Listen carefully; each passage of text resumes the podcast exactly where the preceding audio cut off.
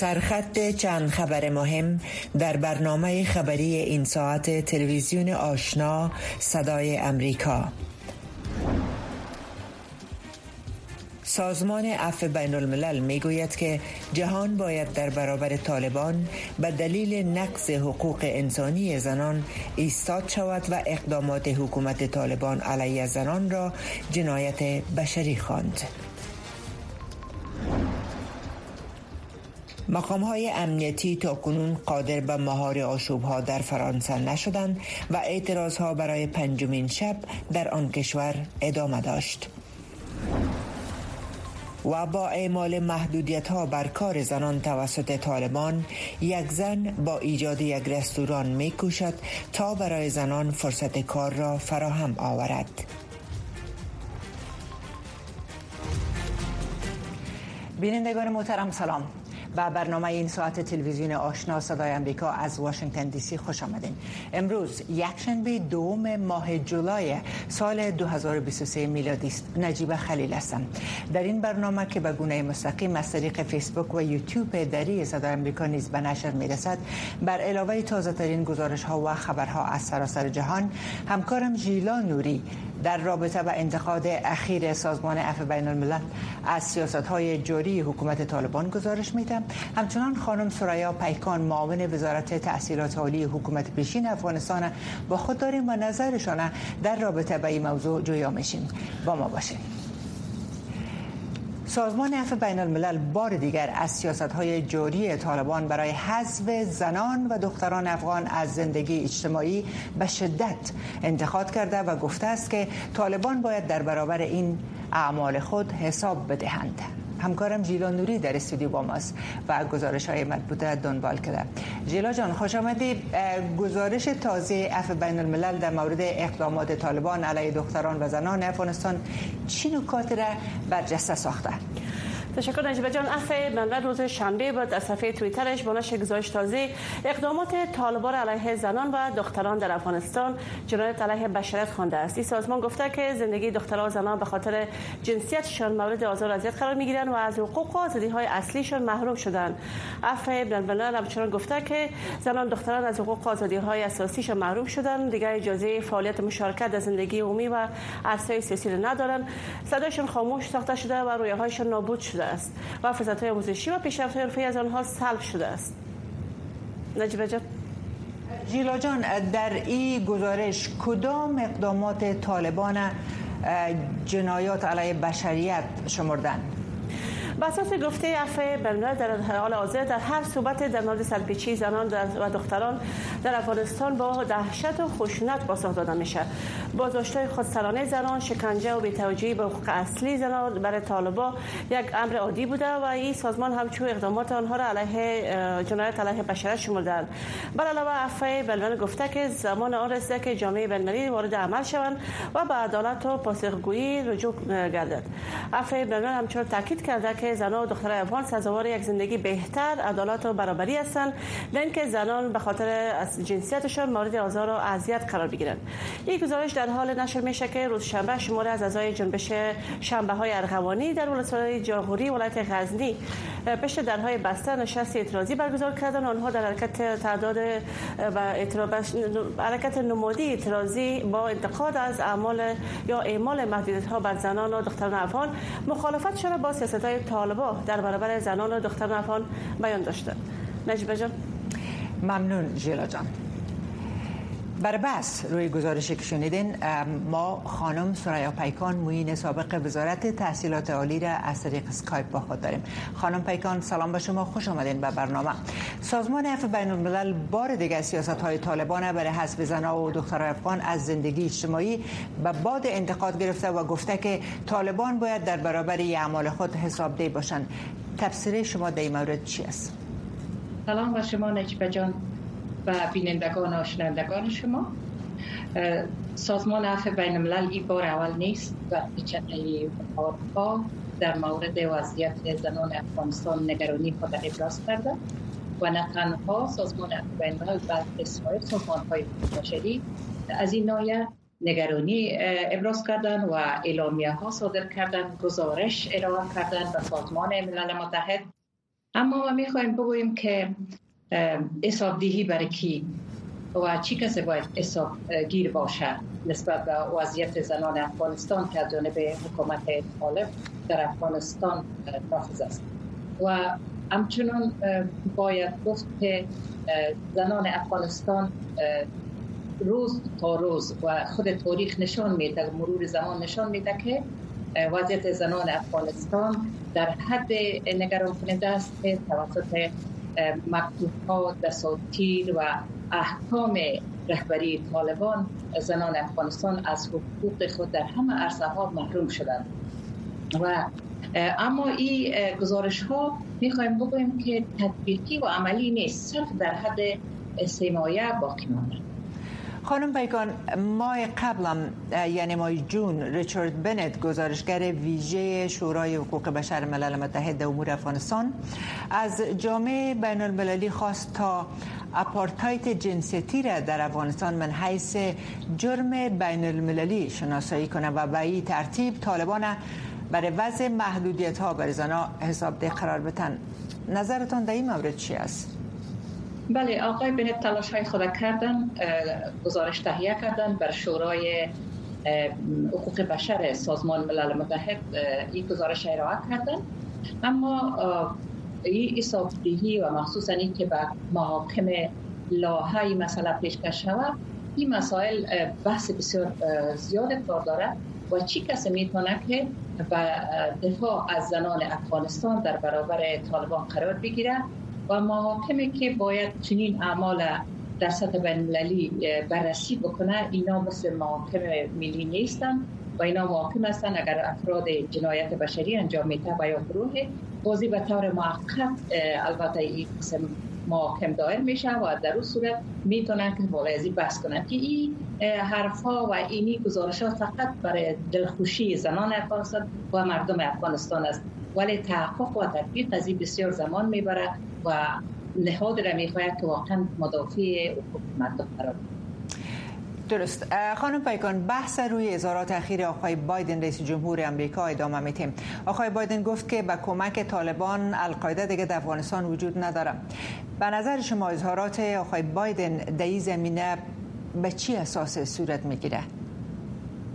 خب آقای بایدن زمانی که ریاست جمهوری را برنده شدن در امونجا گفتن که ما به خاطر مردم افغانستان در افغانستان نبودیم. هدف ما همی بود که القاعده باید از بین برده شد و همچنان در تفاهمنامه دوها یا مقدمه دوها هم منافع امریکا در نظر گرفته شده. اگر گروه های از طریق افغانستان بالای منافع امریکا عمله می‌کنه و در اینجا کدام ضرر وارد میشه اینا از منافع خود دفاع می‌کنن. یعنی طالب ها و منافع حکومت امریکا در اونجا تحقق کرده در تفاهم نامی دوها. بنابراین این اظهاراتشان به این معنا است که از یک طرف می‌تونم من فکر خود من این است که اینا قدرت طالب ها را بیشتر نشان دادن و کدام تاثیر در روابط طالب ها و القاعده وجود نخواهد آمد و هدفشان عملی بود که حکومت افغانستان خودشان مردم افغانستان حکومت خود بسازن و و حکومت امریکا ارتباط نداره مسئله حقوق زنای افغانستان که اظهارات آقای بایدن بارها ما ایرش میدیم. اما مسئله جهانی که مثلا افغانستان یک جهانی شده و زنان مردم افغانستان در گرو سیاست های جهان قرار گرفته. این مسئله ساده نیست و از از این ساده گذاشتن هم راه نمیافته باید در این مسئله همه جانبه جهان مسئولیت خود ادا خانم پیکان شما اشاره کردین گفتین که این تصمیم تغییر تاثیر سر روابط بین القاعده و طالبان نداره. از جانب دیگه شما دیدین که ادعا به می شد که الزوایری در افغانستان کشته شد و این گفته شد که به کمک طالبان برای استخبارات امریکا از زوایری جایش معلوم شد و این سرش البته حمله صورت گرفت و از بین برده شد. و شما میگین که خب این گپا وقتی که آقای رئیس جمهور بایدن میگه که با کمک طالبا ما القاعده وجود نداره. آیا فکر نمی‌کنین که این در بین طالبا گروه طالبا و القاعده باعث ایجاد تنش شود؟ القاعده و طالبان بسیار زیاد تاریخ طولانی دارن روابط بسیار طولانی دارن و در جنگ های طولانی افغانستان با همدیگر همکار بودن. هر گروهی که در افغانستان به همکاری طالب ها شناختن و همکاری کردن اونو روابطشان پاورجات هست و نمی‌تونه که این اظهارات تضعیف بکنه روابط از اینا را.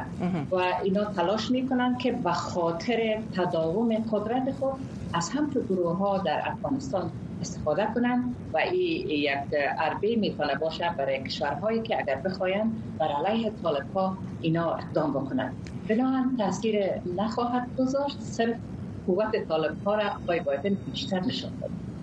خب پس یک سوال دیگه من از شما بپرسم که آیا این ممکن است که این اظهارات آقای بایدن و این مثبت نگری نگریشان در قسمت طالبا ممکن است زمینه بر رسمیت شناختن طالبا را مساعد بسازه و یا که برعکس گزارش سازمان عفو بین الملل که گفت که طالبا باید به جنایات جنگی البته اونا را متهم کرده یا به اساس از او گزارش شاید که مسئله به رسمیت شناختنشان اصلا روی میز نباشه موضوع به رسمیت شناختن یک موضوع سیاسی هست. کشورها مستقل هستند و کشورها می‌تونن که یک گروه را و یا یک حکومت را بشناسن به رسمیت و اینا خودشان تصمیم می‌گیرن که اگر حکومت امریکا بخواید به رسمیت بشناسه هیچ کس مانع شده نمی‌کنه مگر اینکه اسناد و شواهد وجود داشته باشه که در مغایرت با قاعده های بین‌المللی عمل صورت گرفته باشه چنانچه حقوق بشری در افغانستان در مورد زنان افغانستان واضح هم نشان میده که این خودش باز مانع بر رسمیت شناختن هر حکومتی که اگر بخواه اقدام بکنه شده می‌تونه خانم پیکان جهان سپاس از وقتتان. تشکر. سرفراز باشین. تشکر از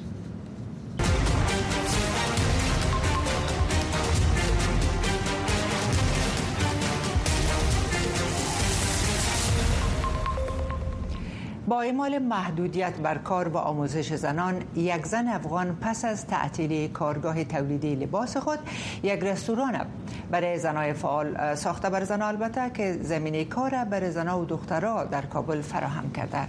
همکار محمد احمدی شرح گزارش خبرگزاری اسوسییتد پرس را به توجه شما میرساند. این رستوران در کابل توسط جمعی از زنان افغان برای زنان اداره می گردد و فرصت کار را برای آنان در حالی فراهم کرده است که آنان همچنان با پیامدهای ممنوعیت وضع شده طالبان بر کار و آموزش زنان دست و پنجه نرم می کنند. سمیرا محمدی این رستوران را برای فراهم کردن زمینه کار برای زنان ایجاد کرد. تا آنها بتوانند از لحاظ مالی کمکی به خانوادهشان باشند. او قبل از بحران اقتصادی در افغانستان یک کارگاه خیاطی را اداره می کرد که زمینه کار برای صدها زن را فراهم کرده بود. با وخامت وضعیت اقتصادی افغانستان مردم کمتری لباس می خریدند و خانم محمدی می بایست کارگاه تولید لباس خود را تعطیل می کرد کارگاه خیاطی داشتم. تقریبا 4 الی 500 خانم همراه ما همکار بودن کار می‌کردیم. بدبختانه این مشکلات اقتصادی که به افغانستان آمد. لباسی که بسیار کم رنگ شد. خرید و فروش مردم بند شد. به او خاطر ما کارگار استاپ کرده. خواستم یک جای دیگه آماده کنم که بتونیم همین خانمای کنج امرای ما کار می‌کردن زحمت میکشیدن. خانمای زحمت کشی بودن. بتونیم ما در این رستوران اونا را داشته باشیم تا که مشکلات اقتصادیشون رفع شود. تمامی آشپزان در داخل این آشپزخانه زنان هستند. و مشتریان این رستوران نیز همه زنان هستند. خواست ما از امارات اسلامی امی است که در زمینه امی که خانم ها بتانن به این پروژه هایی که خودشان خلاق هستن می‌تونن به تنهایی از آبله کف دست خود همچو رستورانت ها است کارخانه های خیاطی هستن. همچو چیزهایی که می‌خواین اونا آماده کنن برشان اجازه داده شد تا در زمینه پیشرفت های بیشتر داشته باشن این کار فرصت نادری را برای زنان افغان فراهم می کند تا مشغول کار باشند و بعد از محدودیت هایی که حاکمیت طالبان بر زنان در این کشور وضع کرده به جامعه کمک کنند. بعد از تسلط طالبان بر افغانستان در سال 2021 مقام های آن گروه گفتند که آنها خواستار روابط بهتر با جهان هستند. طالبان گفتند که آنها به زمان محدودیت ها بر زنان و یا مجازات مثل شلاق زدن ها که در زمان حاکمیت اولشان در دهه 90 میلادی داشتند بر نخواهند گشت. اما برعکس از زمان به دست گرفتن قدرت طالبان زنان را از اکثر مشاغل آموزش در مکاتب متوسطه و لیسه و همچنین حضور در پارک ها منع کرده است آنها همچنین به زنان دستور دادند که در محضر عام باید سر تا پایشان پوشیده باشد حسنا با نام مستعار که بعد از ممنوعیت طالبان بر آموزش لیسه خانه نشین شده بود حالا اینجا کار می کند من یک به خاطر اقتصادم هستم و یک مصروفات می‌خوایم از خودم ایجاد شود مکتب می‌رفتم می‌خواستم دم کانتین که خلاص کردم می‌خواستم که حقوق سنمالی در حقوق سنمالی شد از وقتی که مکتب بسته شد دیگه اینجا من یک مصروفات شد دختران نمی توانند بیشتر از سنف ششم در افغانستان تحت حاکمیت طالبان حالا درس بخوانند و فراتر از آن آموزش دختران در دانشگاه ها نیز منع شده است. محمد احمدی تلویزیون آشنا صدای امریکا واشنگتن. یکی از کشورهایی که میزبان فرهنگ ها، میلیت ها، سنت ها و ارزش های متنوع و بسیار مختلف از سراسر جهان است. زندگی در امریکا و مهاجرت به اینجا مانند سایر کشورها سختی ها و لذت های خود را دارد. برخی افراد با تلاش و با استفاده از فرصت ها می توانند به رویاهای خود برسند و برخی ها با مشکلات روبرو می شوند. زندگی در امریکا. هر جمعه از ساعت 6 الا 6 نیم بعد از ظهر به وقت افغانستان.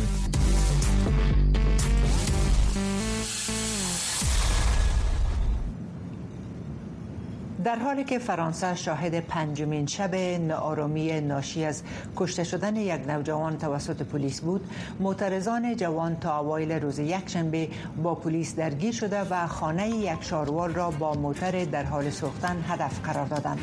اما به نظر می رسد خشونت کلی در مقایسه با شبهای گذشته کاهش یافته است. پلیس تا اوایل روز یکشنبه 719 نفر را در سراسر کشور پس از استقرار گسترده نیروهای امنیتی به هدف سرکوب بدترین دگرگونی اجتماعی فرانسه در سالهای اخیر دستگیر کرد.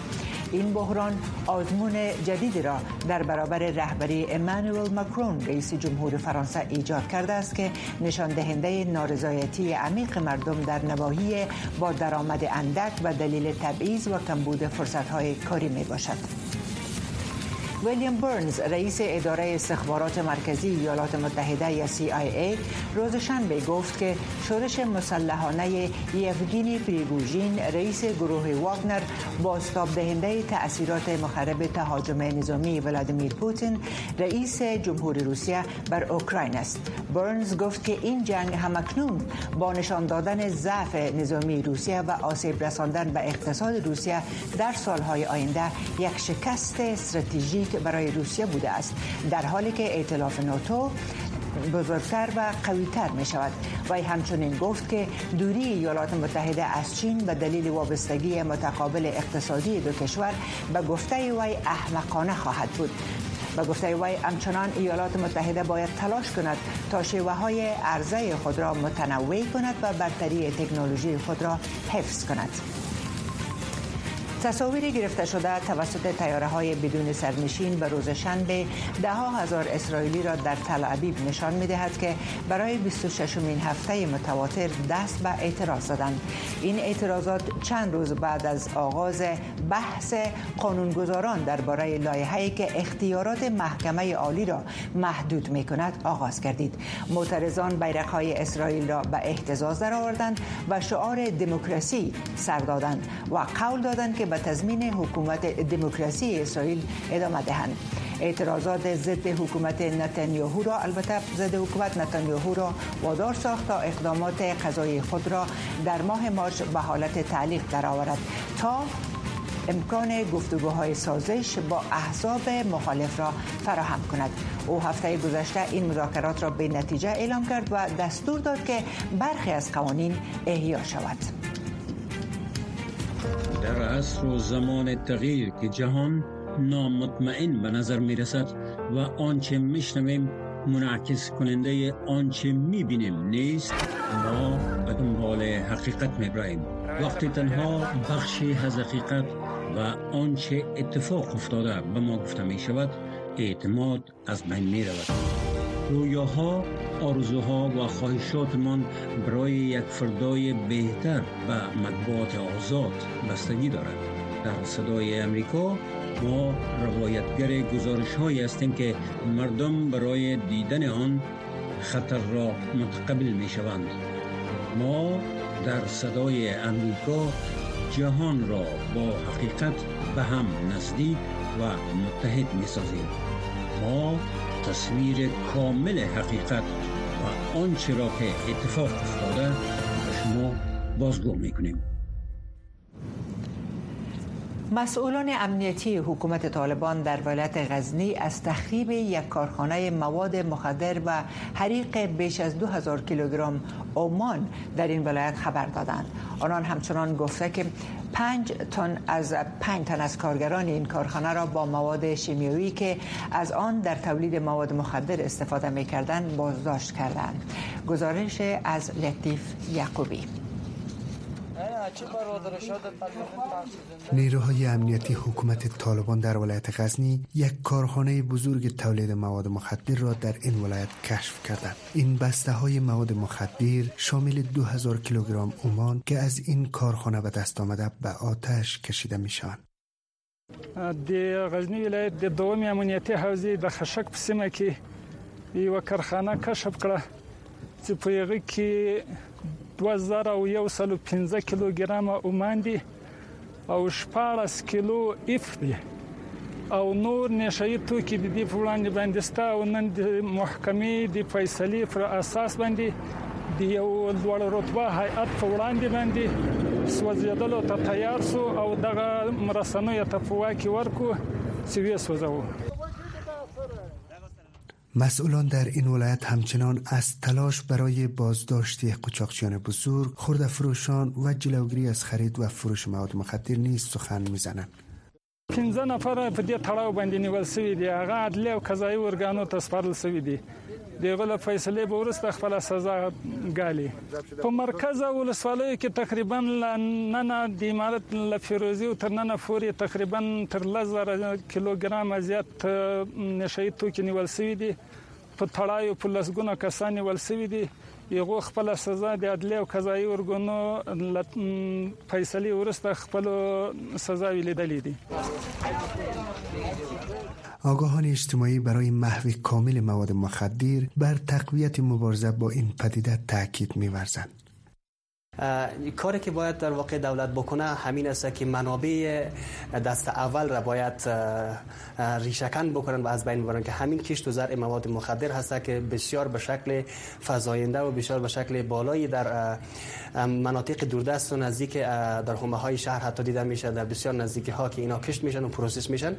و بعد همین قاچاقبران و قاچاقچیان مواد مخدر و اینایی که امروز مافیاهای بزرگ مواد مخدر هستند به اینا واقعا اجازه دادن نشود که همچون پدیده ها را در داخل جامعه شیوع بدن و اینا را گسترش بدن. در جریان سال روان خورشیدی این نخستین کارخانه مواد مخدر در ولایت غزنی است که از سوی مسئولان امنیتی حکومت طالبان کشف و به آتش کشیده می شود لطیف یعقوبی تلویزیون آشنا صدای امریکا غزنی.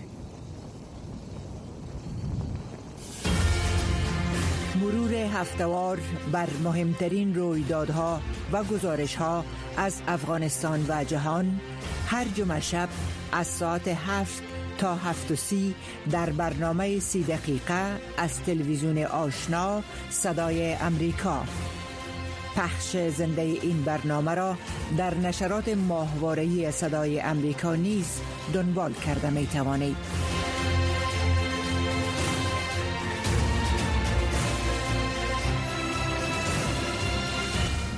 ابوبکر صدیق میاخیل جوان 19 ساله افغان که 5 سال قبل به بلژیم مهاجر شده بود توانسته است که امسال برنده جایزه شارلماین اتحادیه اروپا شود. ابوبکر میاخیل یک اپلیکیشن را ساخته است که می تواند مهاجرین و پناهجویان را در آموختن زبانهای دیگر کمک کند.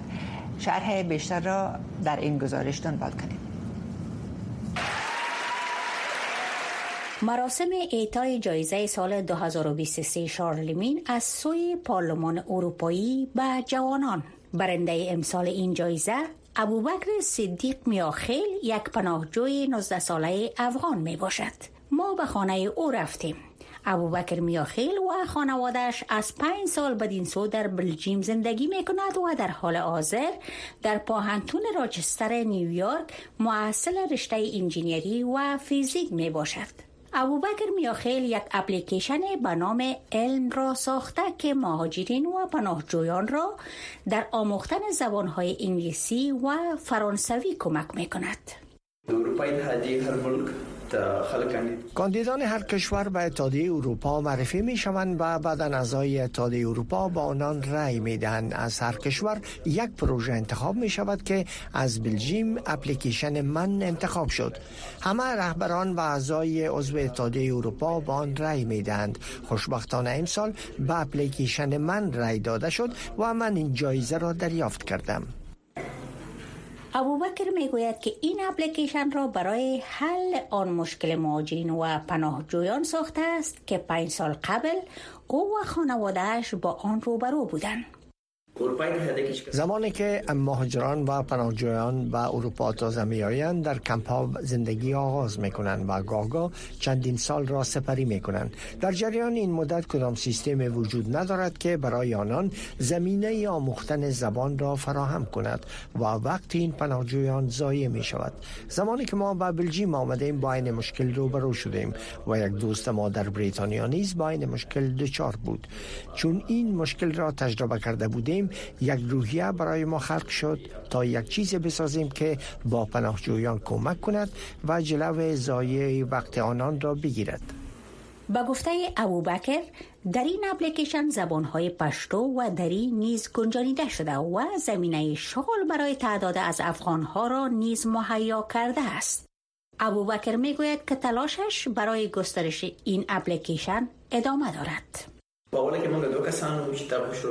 در ابتدا ما دو نفر بودیم که کار این اپلیکیشن را آغاز کردیم. تنها من پروگرام ها را می ساختم ولی خوشبختانه امروز چل نفر مصروف کار هستند.